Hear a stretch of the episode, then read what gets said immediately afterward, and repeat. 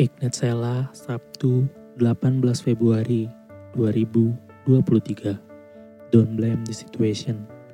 Ayat firman Tuhan hari ini diambil dari 1 Samuel 30 ayat 6. Dan Daud sangat terjepit karena rakyat mengatakan hendak melempari dia dengan batu.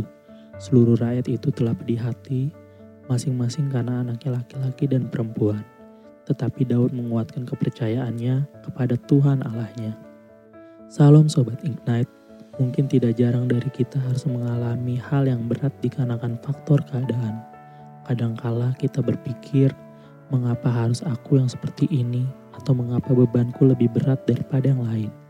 Dan kita pun, jikalau bisa memilih, mungkin kita akan memilih lahir di keluarga kerajaan, hidup mewah, dan apa yang kita inginkan semuanya terjadi. Tapi percayalah, Tuhan sudah lebih dulu menetapkan kita di tempat kita sekarang ini. Karena Tuhan sudah lebih dulu tahu bahwa di dalam keadaan kita ini, pekerjaan Tuhan akan dinyatakan. Kita tidak bisa memilih di mana kita akan lahir, siapa keluarga kita, dan di mana Tuhan akan meletakkan kita.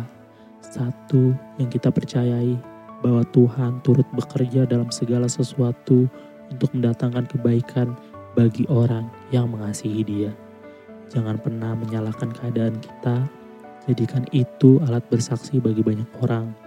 Tugas kita hanya percaya dan melakukan firman-Nya, dan Tuhan akan bekerja bersama-sama dengan kita. Dan satu kunci yang menyenangkan hati Tuhan adalah bersyukur dengan cara tidak membanding-bandingkan diri kita pada orang lain. Ingatlah, di mata Tuhan kita adalah sama dan sempurna.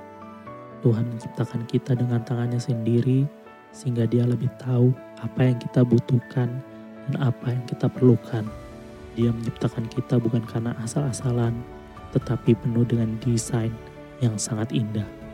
Jangan berkecil hati, biarkan Tuhan yang menjadi pemimpinnya. Keadaan sulit akan memang ada dan kita alami selama kita hidup. Karena Tuhan hanya rindu kita selalu berhubungan dan mengandalkannya. Tetapi jikalau kita menempatkan Yesus di hati kita, apa pun keadaannya, kita akan tetap tenang dan damai di dalam Yesus.